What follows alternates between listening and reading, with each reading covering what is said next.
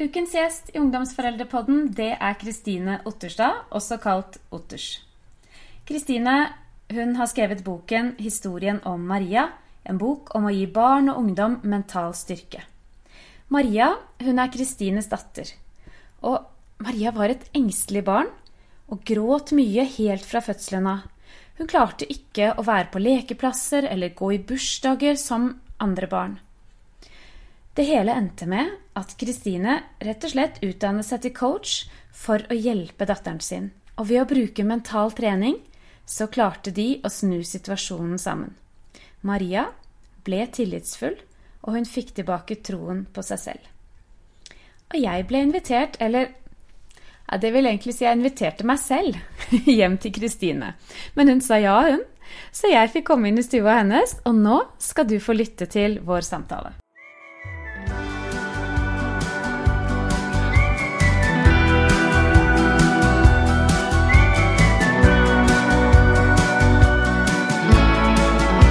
Sett deg lenge, kommer til å skje. Du blir voksen, og jeg veit ikke helt hvordan jeg takler det. For de greiene der er søren meg ikke for hvem som helst. I tillegg til å skrive bok og til å jobbe som mentaltrener, så har også Kristine vært fast spaltist i KK i mange år, og hun har en veldig populær blogg, Kristine Otterstad, også kalt Otters. Så aller først så vil jeg gjerne snakke litt med Kristine om bloggen hennes. Litt senere så vil Kristine fortelle dere om ballongteknikken, og den bør du få med deg. Hvor lenge har du holdt på med den bloggen?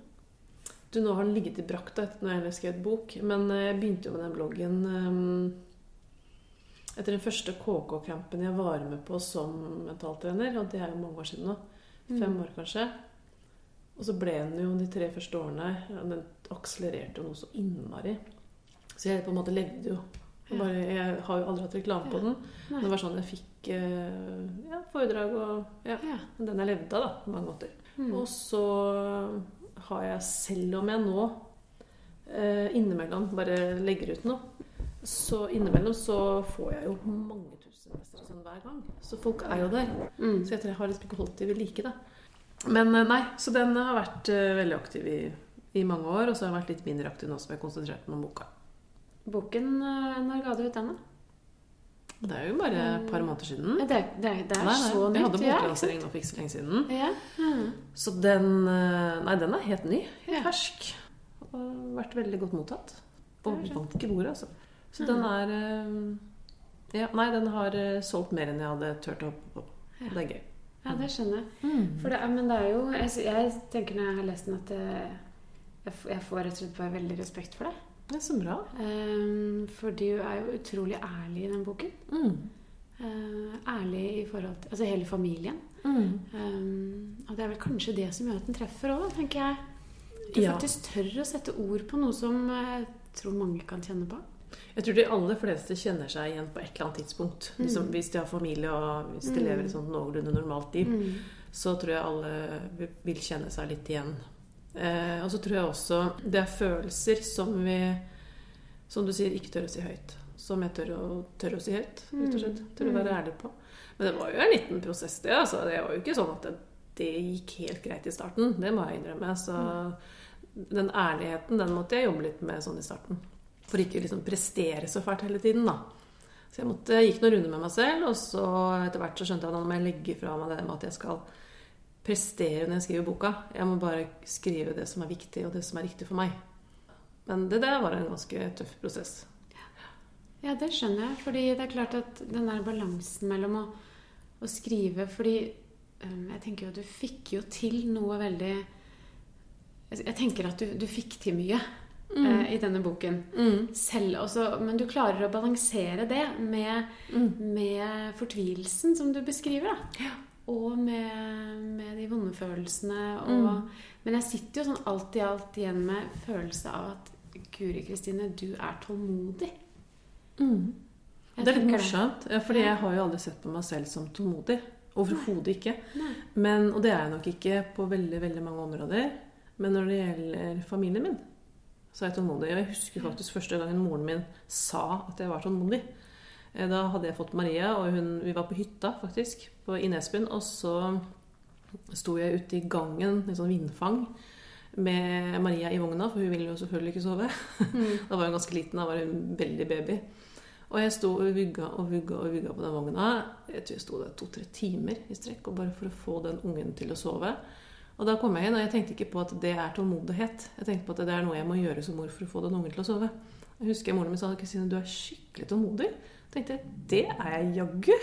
Når det kommer til her, så er jeg det i hvert fall. Ja. For jeg er nok ikke et tålmodig menneske på andre plan. Det er jeg ikke. Men med ungene mine så tenker jeg Har man noe valg, da? ja, det har man jo. Jeg tenker jo det. Jeg har Man jo har aldri jo tenkt det. på det som at det har vært noe valg for meg. Og det var noe jeg tenkte på når jeg leste den boken. At jeg er jo firebarnsmamma. Mm. Eh, Jeg har to gutter og to jenter. Og, og jeg Når man, man leser en bok sånn, så, så ser man jo seg selv inn i, Ja, i, i det hele. Og så tenker jeg hvordan ville jeg ha reagert? Tenkte jeg stadig mm -hmm. når jeg leste boken din. Og så kom jeg stadig tilbake til at Nei, vet du hva? Jeg tror ikke jeg hadde klart å være så tålmodig som det du var med Maria. Eh, både når det gjelder barna, Spesielt kanskje når det gjelder barnehagestarten og skolestarten. Mm. Da tenkte jeg på det.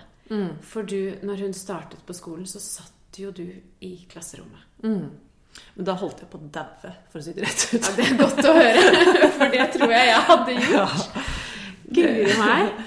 Og det var, men det jeg kjente mest på, det var selvfølgelig det med at jeg måtte sitte og glo i det klasserommet hver dag. Det må jeg innrømme ikke var det morsomste jeg visste om. Og, men da var jeg på en måte på jobb. Jeg satt der fordi jeg hadde en oppgave å gjøre, og det er å få Maria på skolen. Og hun satt og var på jobb på sin stol og måtte bare holde ut, og jeg satt der fordi at hun skulle klare å holde ut. Så det var på en måte oppgaven, og, men den oppgaven tok jo veldig mye lengre tid enn det jeg hadde sett for meg. Så skulle, jeg- hadde jeg visst at det tok så lang tid, så hadde jeg kanskje prøvd å løse det på en litt annen måte innledningsvis. Det må jeg jo innrømme. Eh, Jeg vet ikke om jeg hadde tenkt alternativ i forhold til hjemmeundervisning eller hva som helst, nesten. For jeg gjør jo ikke det igjen. Det her gjør jeg ikke. Men det var nødvendig. Det var det. Ja. Og det Og- gjorde jo at hun ble trygg etter Det gjorde at hun ble trygg. Det gjorde det, altså. Det tok eh, som sagt veldig, veldig lang tid. Eh, Men da det først løsnet, så Da gikk hun da i andre eller og sånt, men da hadde hun fått en assistent da, som hun eh, stolte på. Men da det først løsnet sånn i første klasse, så kjente jeg jo på at da er det jo verdt det. Med tanke på at hun var så forknytt og livredd da vi begynte. Så det her er jo egentlig noe vi så Jeg er jo veldig glad i å se resultater. Synlige resultater. Og det beste er jo å se synlige resultater på ditt eget barn. Det var veldig, veldig befriende, husker jeg. Så det er jo Man kan ikke måle noe annet i det. det. For meg var det i hvert fall veldig motiverende. Det var det.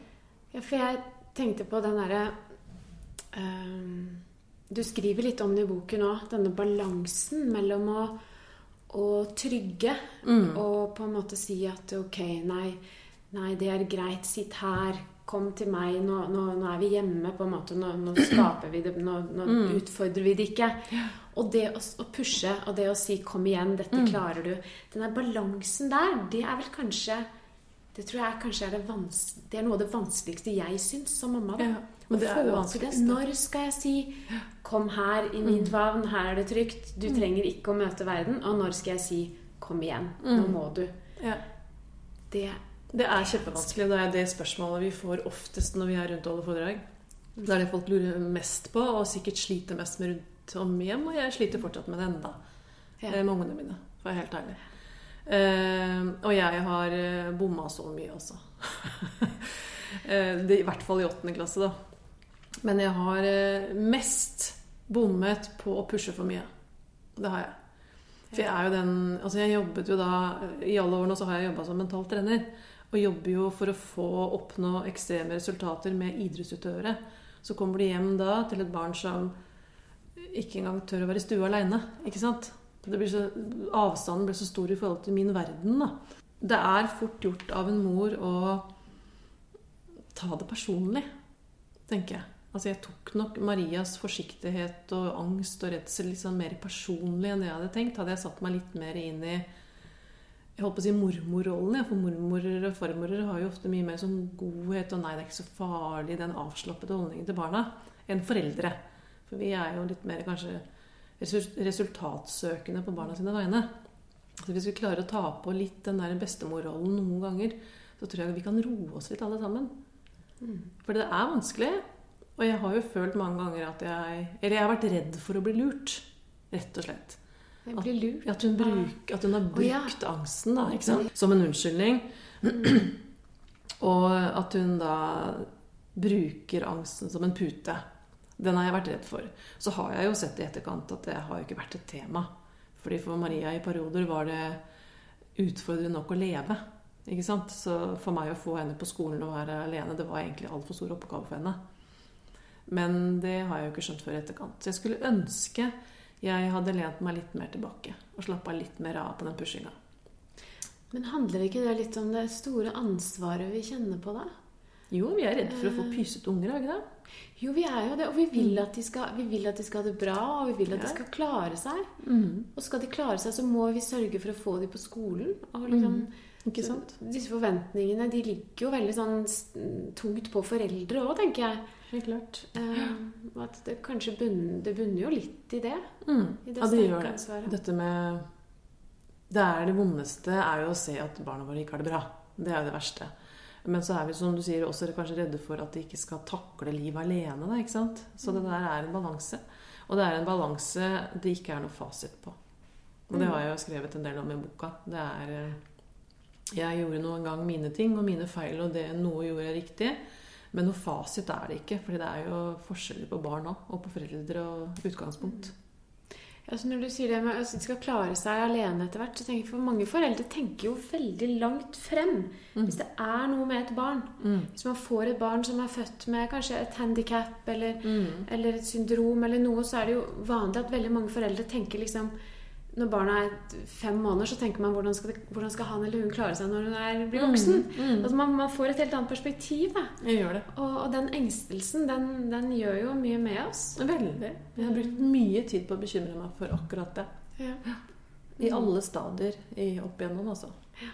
Og nå er jeg jo ikke bekymra lenger i det hele tatt. Men jeg har brukt mye tid på hvordan skal du gå på skolen, klarer hun å gjennomføre, kommer hun til å få seg noe jobb, kommer hun til å klare å bo alene, liksom alt dette her.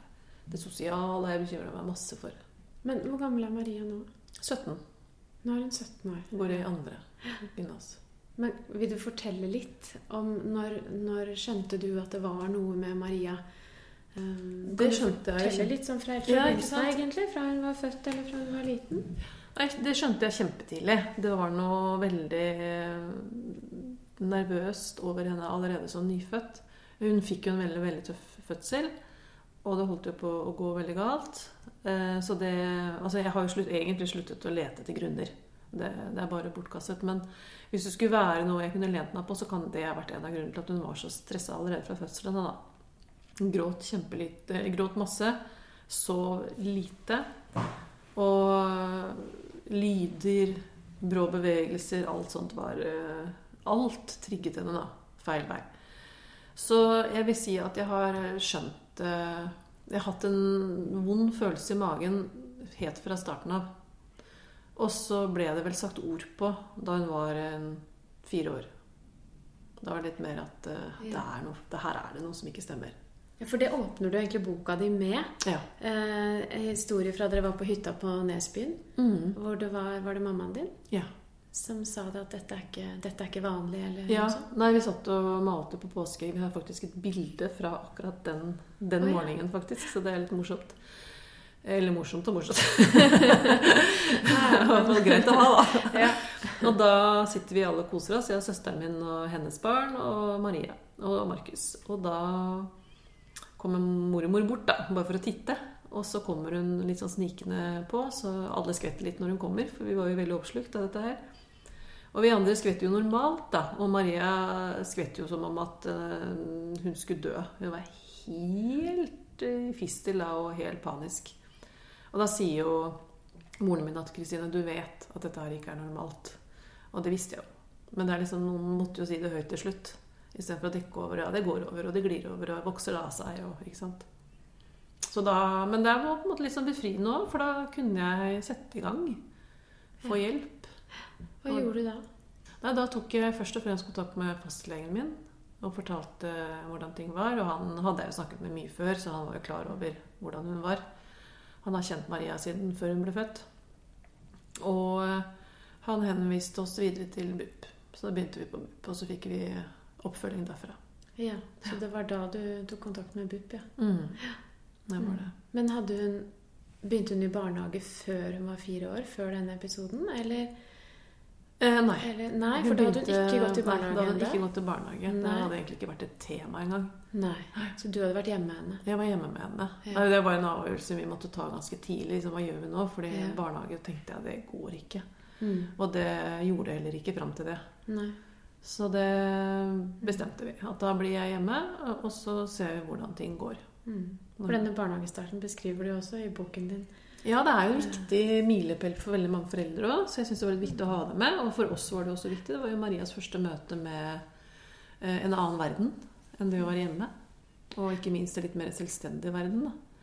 Så den gikk jo altså Nå var vi så heldige at vi hadde veldig flinke folk som jobba i den barnehagen. da. Så de var jo veldig ydmyke og veldig flinke, og ikke minst kjempeerfarne. Så de eh, tilrettela alt de kunne, og eh, stolte på at vi foreldre visste best. Og så tok de det derfra.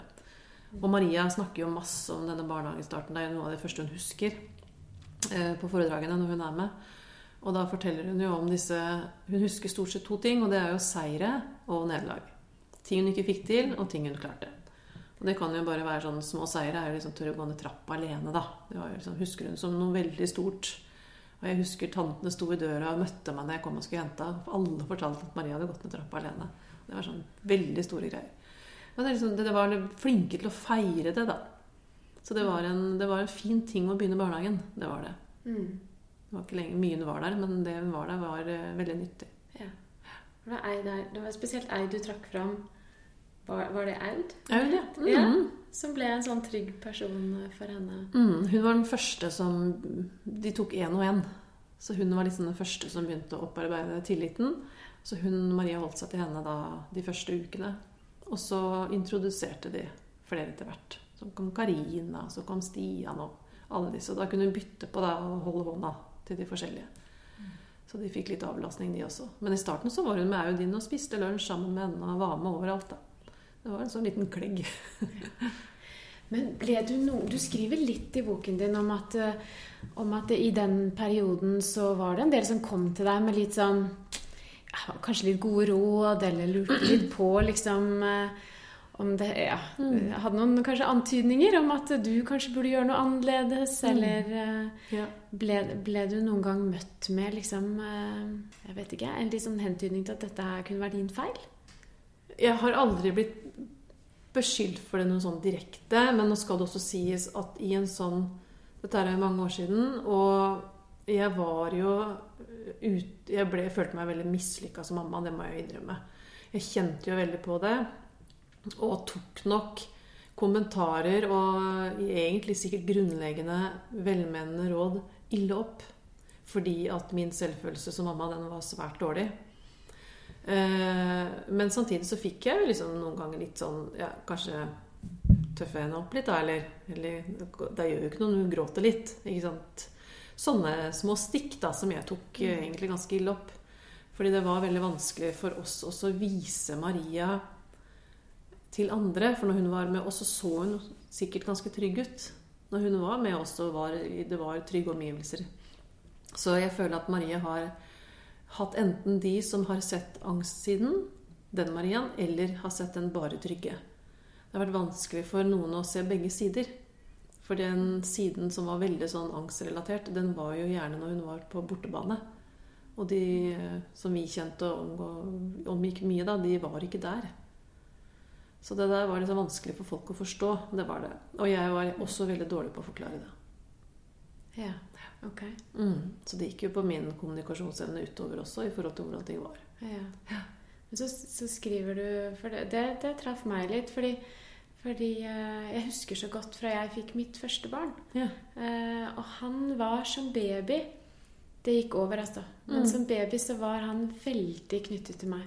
Altså Han ville ikke være hos noen andre. Han hylte Ja. idet noen andre ville ta i ham.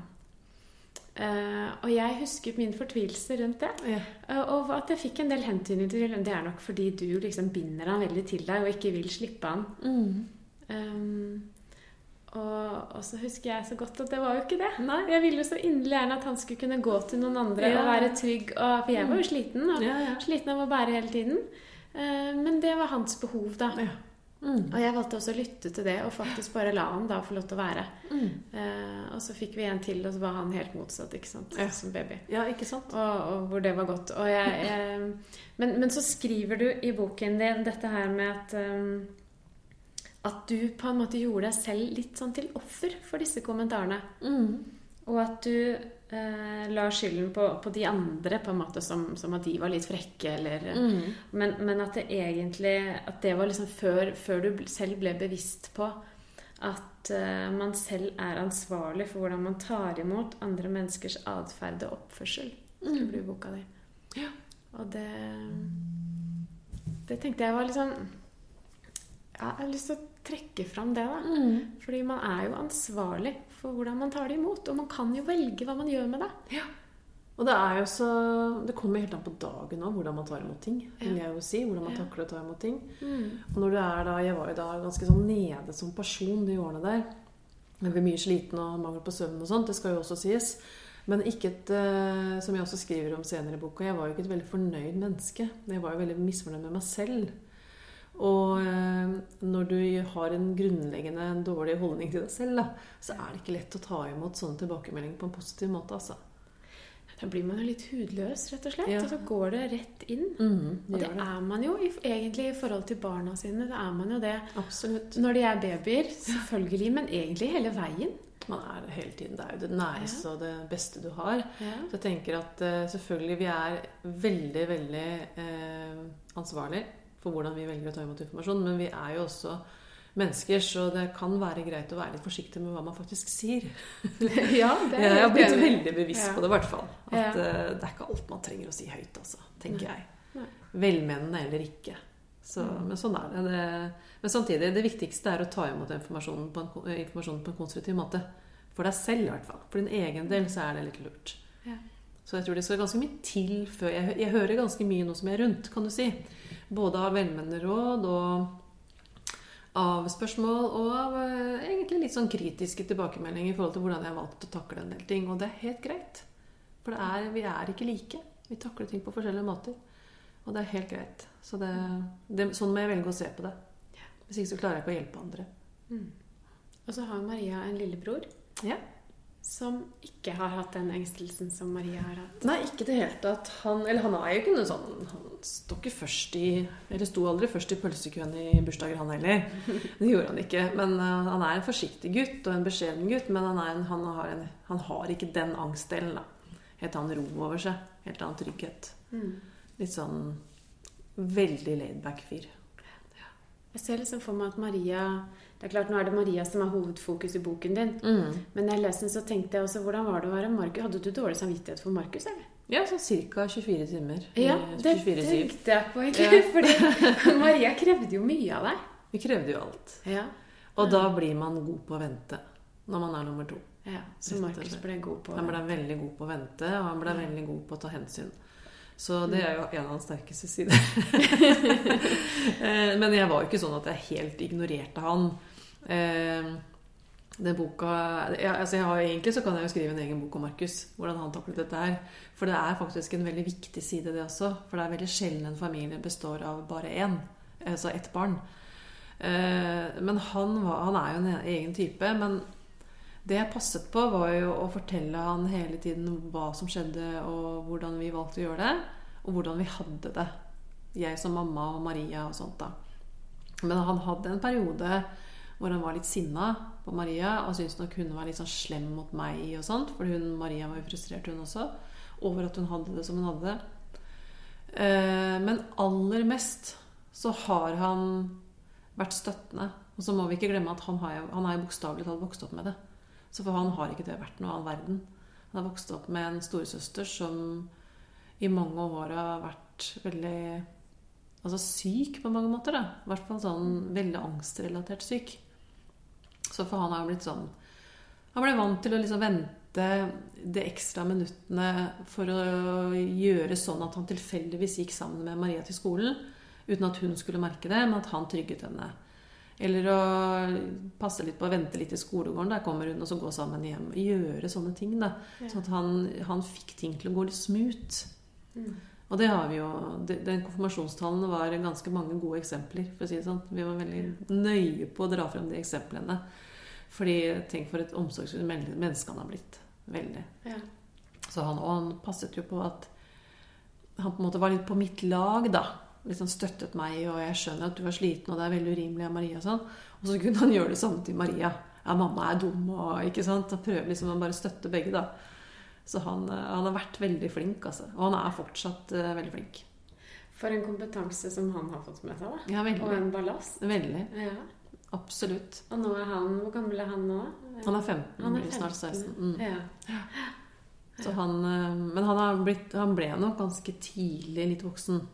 Det gjorde han. Absolutt. Eller ganske tidlig eh, nødt for å ta mye ja, Litt sånn ansvar for at alle skal ha det bra. Ja. Rett og slett. Er det noe som dere har snakket med han om? Mange, mange ganger. Ja. Vi er jo blitt, eh, I løpet av årene så har vi blitt veldig flinke til å snakke med hverandre om det meste. Jeg tror vi kan snakke med hverandre om alt. Nå er det jo ja, ungdom begge to, så nå skal ikke jeg pås... Ja, jeg skal ikke skryte altfor mye. jeg skal i hvert fall ikke være naiv. Men eh, nei, altså jeg tror vi kan snakke med hverandre om det aller aller meste. i hvert fall. Og vi er veldig nøye på å snakke med om hvordan ting har vært. Og jeg tenker at nå har vi en gang vært igjennom dette her. Vi må bare prøve å lære så mye som mulig av det. Og dra med oss det vi kan eh, lære enda mer av. Mm. Så det er jo viktig for meg å ikke gå i den samme fella hele tiden. Og liksom prøve å dra med oss erfaringer, da. Ja, altså rett og slett se litt fremover, tenker du? Ja, ja og så Ja, og ikke- liksom Hvordan gjorde vi det sist gang? Det, for det, ting kommer jo tilbake. Maria er jo sånn at hun innimellom har tunge perioder. Hun er veldig pliktoppfyllende og kan lese seg i senk i skolearbeid, f.eks. Veldig flink pike, da, vet du. Og da, da er det sånne ting vi har vært igjennom før. Så tenker jeg, ok, hvordan løste vi det da? Hvordan kan vi løse det på litt annen måte nå, hvis det ikke fungerte? At jeg prøver å være flink da, til å trekke fram gamle erfaringer. Og det prøver jeg å vise til Markus også. At Husker du at du har vært igjennom det der nå, og nå står du igjen med, kanskje med noen venner og prøver å trekke det inn, da. Og det har han blitt god til selv. Ja. Veldig. Så det er eh, Ja. Men det er som sagt det viktigste er vel ikke akkurat å henge igjen i fortiden, det er det å se fremover. Men det er viktig å ta med seg det man skal også. Ja, for det, det, det er jo noe man har erfart, så det kan Ja. man kanskje knytte det opp mot, og dermed forstå det, forstå det lettere også. Absolutt. Du har kjent det på kroppen. Så bruke erfaringene til å møte de nye utfordringene. mm. Ja.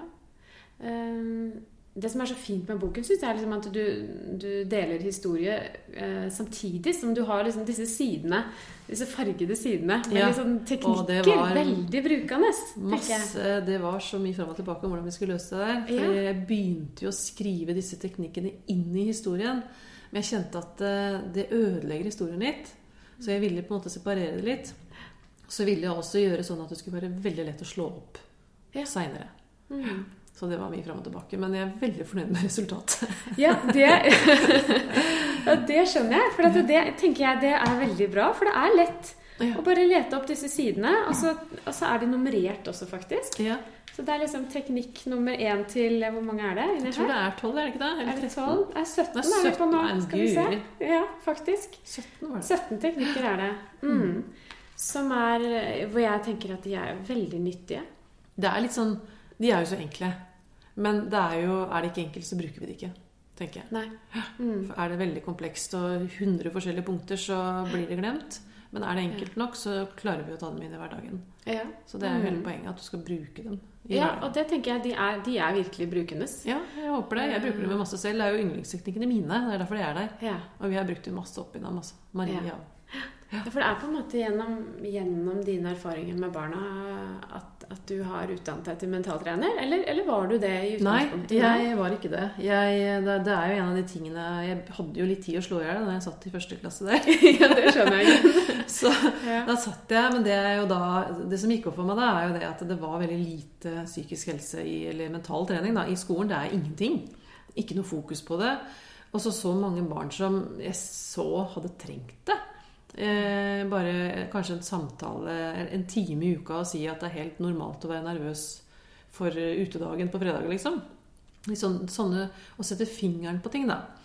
Og så tenkte jeg at eh, Maria får hjelp nå. Hun fikk gjennom BUP, men det ble veldig sporadisk. Vi kunne ikke gå dit hver dag. Så jeg tenkte at hun trenger å rett og slett jobbe med psyken sin. Hvordan skal vi ellers få henne ut av dette her? For da så det jo litt svart ut da jeg satt der hver dag. Og tenkte at eh, da må jeg bare gjøre det selv. Jeg fant egentlig ikke noen annen løsning. Og så begynte jeg å sjekke litt i forhold til forskjellige typer utdannelser og hva som traff dette best. da. Mm. Og det var den jeg tok. Den jeg valgte. Og da begynte jeg på den da hun, jeg begynte, da hun begynte i andre klasse. Så begynte jeg å studere, jeg også. I to og et halvt år.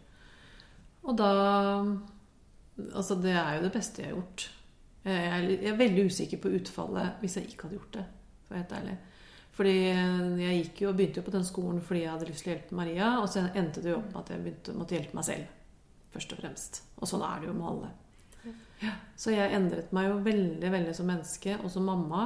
Og ikke minst synet på veldig mange ting. Jeg tror jeg gjorde om en sånn grunnleggende negativ holdning i hjemmet til en grunnleggende positiv. Og det tar jo litt tid, men eh, det er helt uh, gjennomførbart. Og så begynte vi å jobbe oss utover i den spiralen der. Mm. For det syns jeg med mange av disse teknikkene dine at det er absolutt gjennomførbart. Altså, Ja. den, den er jo fantastisk, den der med altså, kroppsholdningen vår. Ja.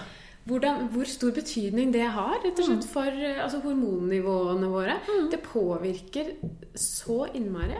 Og kan dette med å rett og slett fysisk gå liksom oppreist Fysisk rette seg opp. ja, Fremfor å ligge eller gå med liksom, hetta over hodet og ned. Altså, det tenker jeg dette kan vi virkelig ta med inn, eh, både til oss selv og i møte med barna våre. Helt klart. Jeg snakker jo masse om det når jeg er rundt eh, ikke minst sånn håndball- og fotballag og sånne ting. Eh, Det å ha en dårlig dag og rette seg opp, liksom, det er, hva er enklere enn det? Det er det eneste du trenger å gjøre. Veldig ofte. Men også det når du har bommet med mål, da. Og det å løpe og håper si, sparke grus ned. Men det å liksom fram med kassa opp og rette deg opp fysisk, så vil det, det vil hjelpe deg da til å score neste gang. Så det, der, det er så små justeringer, altså. Mm. Og så tror jeg vi går rundt og tror at det er så mye som skal til. Så er det bitte lite grann som skal til noen ganger. At det egentlig er så komplisert. Ja, vi tror det er vanskelig. Og, og det er veldig mange som ønsker å begynne med mental trening og ønsker å jobbe med det, og så vet de ikke hva de skal gjøre, og de tror nok at det er veldig ja, komplekst. Og så er det ikke det i det hele tatt. Mm. Det er egentlig veldig enkelt. Og den her ballong, eh, ballongteknikken din, Ja. den er jo så fantastisk, syns jeg. Det er jeg veldig glad i. Ja, den har jeg selv brukt, jeg. Ja. Både til meg selv, Ja. eh, men også rett og slett fortalt om den til barna mine. Mm. At de ja, Fortell om den, du. Ja. Nei, altså den er jo eh, en Jeg, jeg syns det er en veldig sånn nydelig metafor.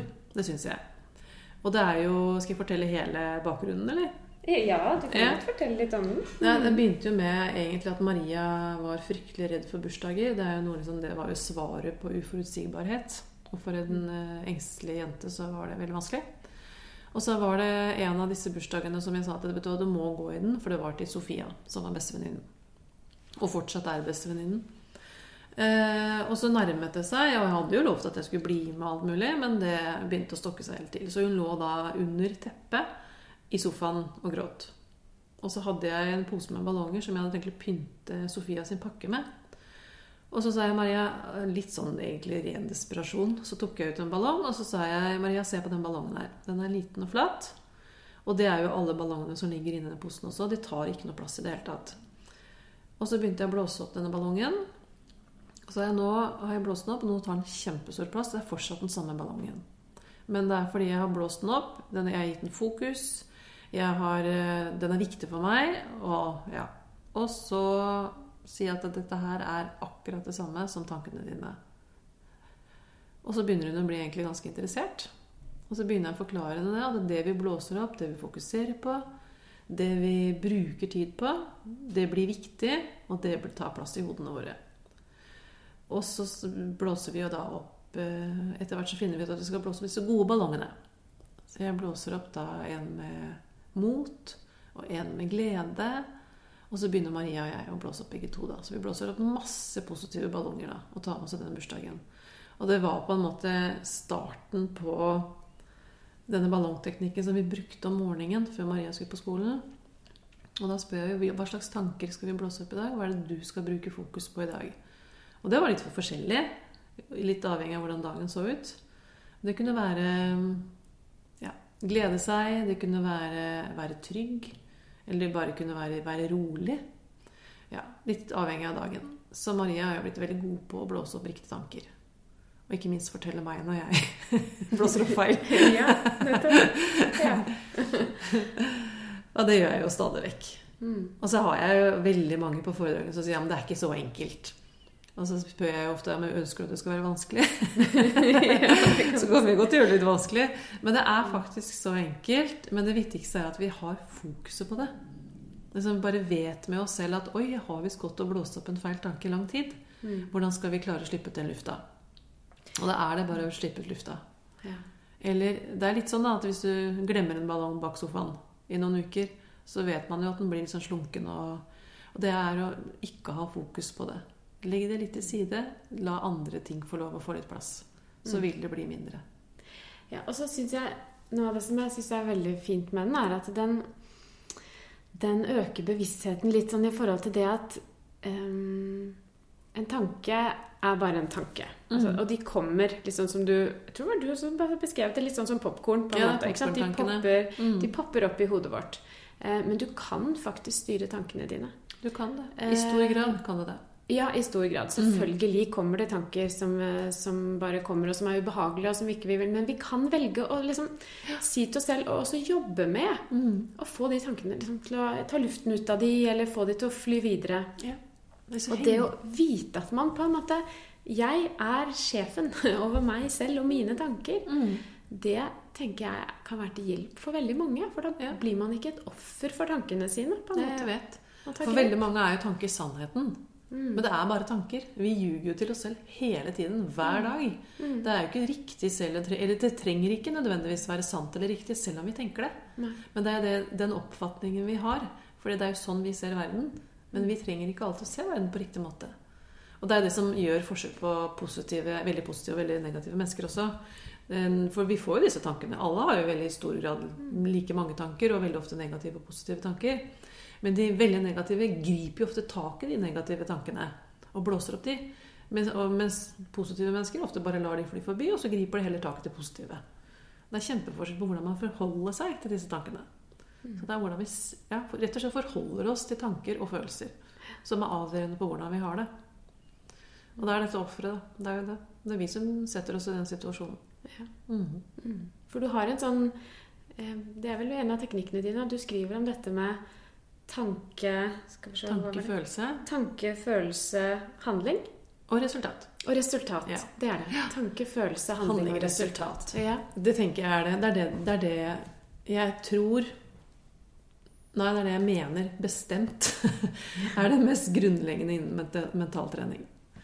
For alt begynner jo med en tanke. Altså alt begynner med en tanke. Og eh, bevisst eller ubevisst tanke. Eh, og den setter jo i gang følelsen i kroppen din. Og vi mennesker er ganske følelsesstyrt. Den følelsen setter i gang en eller annen handling som du gjør, og det vil på et eller annet tidspunkt ende i et resultat. Så hvis du trenger et nytt resultat, så er det veldig ofte at du må begynne med tanken. Det er det vi glemmer, rett og slett. Så det er, eh, og det er jo sånn jeg jobber, vi jobber i hvert fall veldig mye med idrettsutøvere. Liksom, ok, Hva er det du begynte å tenke da, da? Når det begynte å gå galt, liksom. Og det tenker man jo ikke på, for det er jo lenge siden. Ja. Mm. Så da man har gått og badet seg i disse følelsene som en eller annen tanke har satt i gang. Så det er liksom bare å, å, å skal jeg si, vikle oss litt tilbake igjen, da. Men det viktigste er å være bevisst på det. Ja. Men nå er vi jo ikke maskiner, så det er jo ikke sånn at vi går og styrer dette her hele tiden hvis vi vil.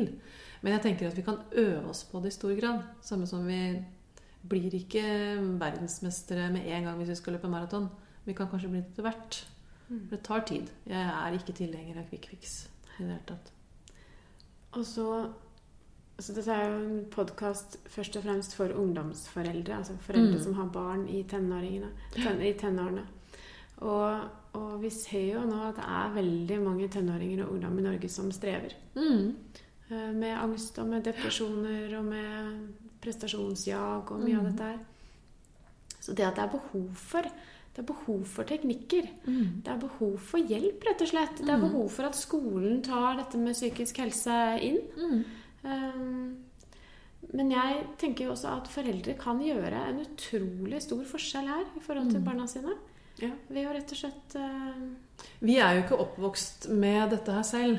Nei, det her er ny informasjon. Og det i stor grad, det vi kan om hjernen, har vi jo lært inn, etter de ti siste årene. mm, Eh, og det er jo ikke mange år.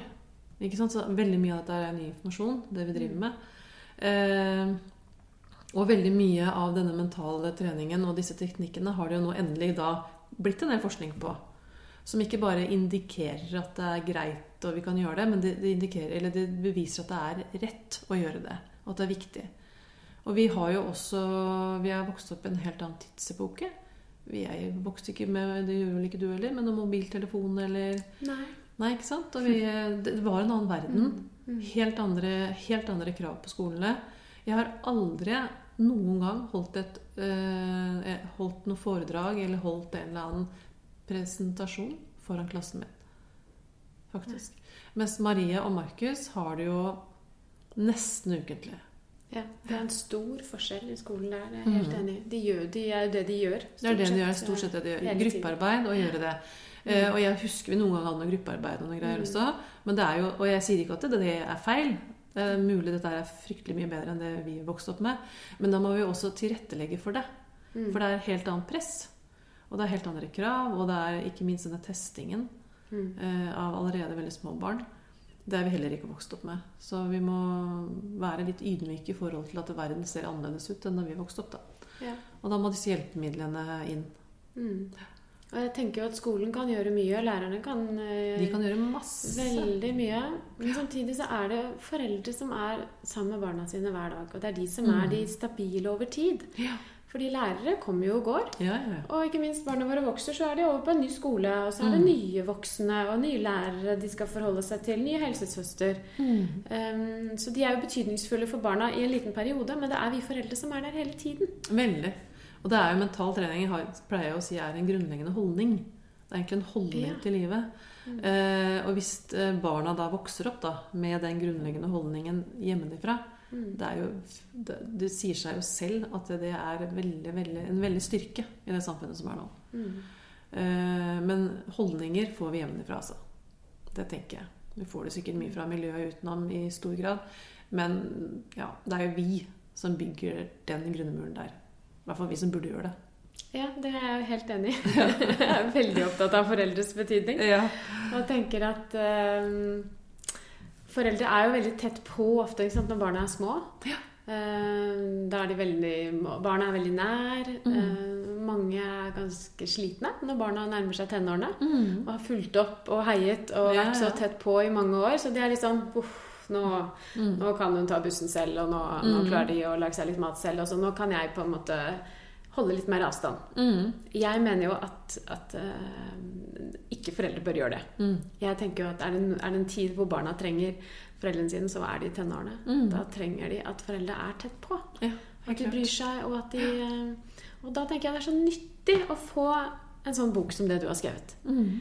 Um, både det å få lese at, om at noen andre også har strevet, Mm.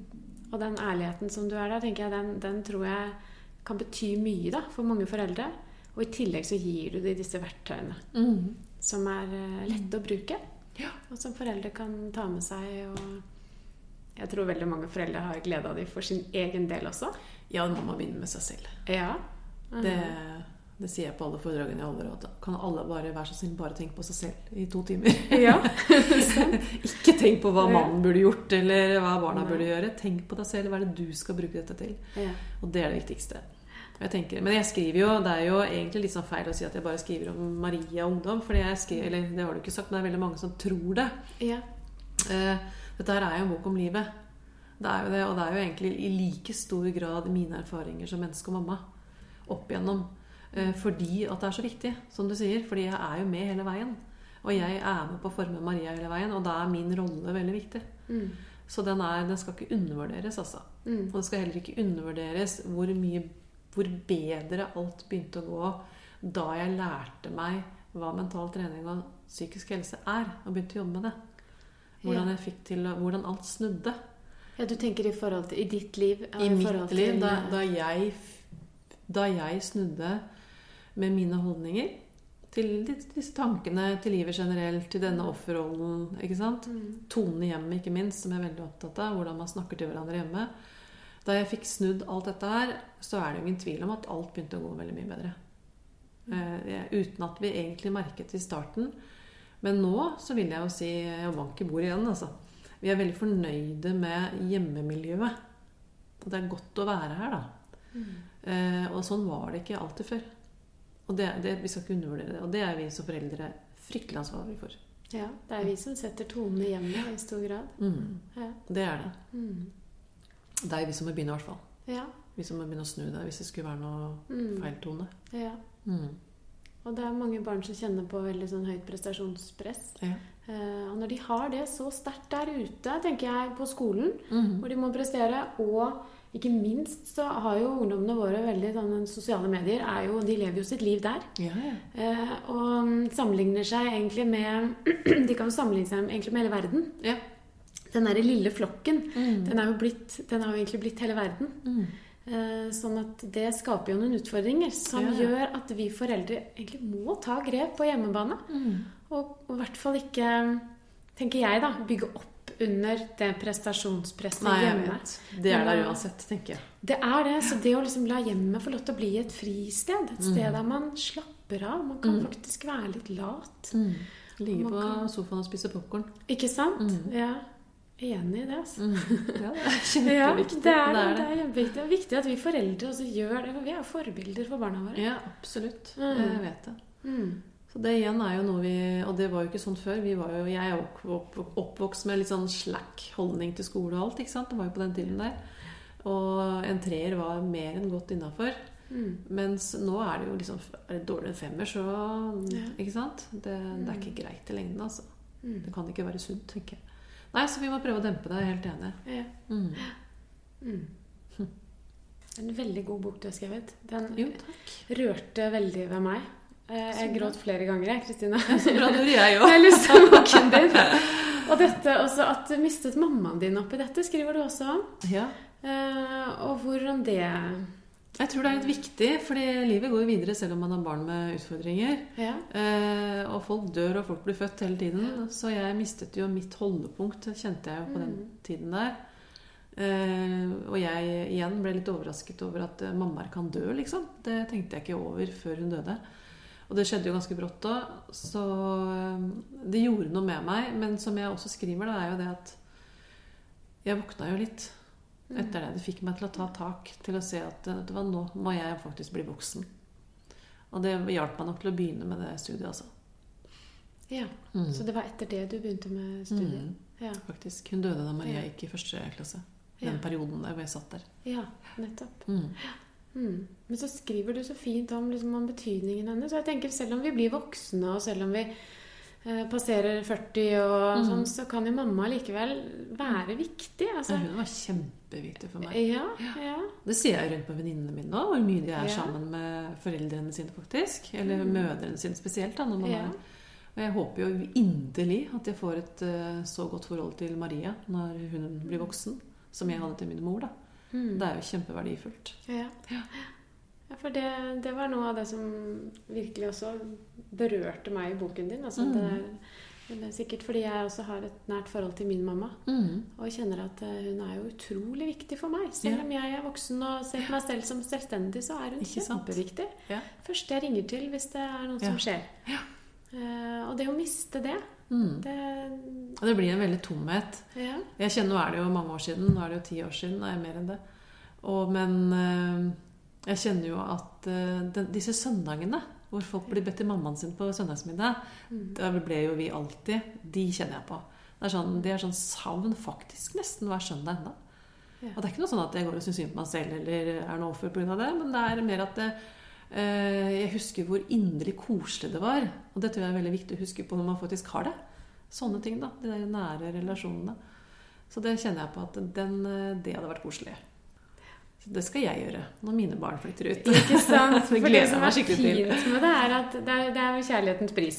Ja, Er jo den sorgen. ikke sant. Det, men det som er fint, er at man kan jo ta det med seg når man da har hatt det der nære, gode forholdet. Så kan man bli den trygge mm -hmm. uh, for sine barn videre. Absolutt. Uh, man skal jo være glad når man kjenner på det savnet, egentlig. Ja, absolutt. Det sier så mye om det Verre om det forholdet. ikke hadde betydd noe som helst, Ikke tenker jeg. sant? Ja. Absolutt. Mm. ja, det er viktig. Menneskene rundt oss er jo kjempeviktige. Mm. Det er jo det viktigste av alt. Det er akkurat det. Det er derfor det er så spennende å jobbe med dette her. For Ja. det, det er jo det som betyr aller mest i- Ja, ja. i livene våre. Det er Tenk det. forholdet vi har til de som er aller nærest oss. Ja, Tenk den Mm. viktige jobben vi gjør, og du er Mm. kjempeviktig. Mm. Mm. Det har vært veldig hyggelig å snakke med deg, Kristine. I like måte. Det har vært lærerikt og øh, veldig fint. Så bra. Takk for at du, alt som du har delt, både her i podkasten og i boken din, ikke minst. Mm. Så håper jeg mange løper ut og kjøper Ja, det boken din. håper jeg også. Ja. Det tror jeg det er verdt. Jeg, tror det, jeg håper den ligger under ganske mange juletrær. Du, det er en perfekt julegave, spør Ja. meg. Det, det er det, foreldre. altså. Det, det vil jeg tro. Ja. Herlig. Tror jeg bare sier god jul, jeg. like måte. Det var årets siste episode her i Ungdomsforeldrepodkasten. Men i januar er jeg tilbake med nye spennende både tema og gjester. Hvis du likte dagens episode, så gå gjerne inn på iTunes og gi den noen stjerner der, og del den med venner og familie og alle du kjenner. Og sjekk gjerne ut nettsiden vår, samtaleverkstedet.no. Da vil jeg bare ønske dere alle sammen en riktig god jul.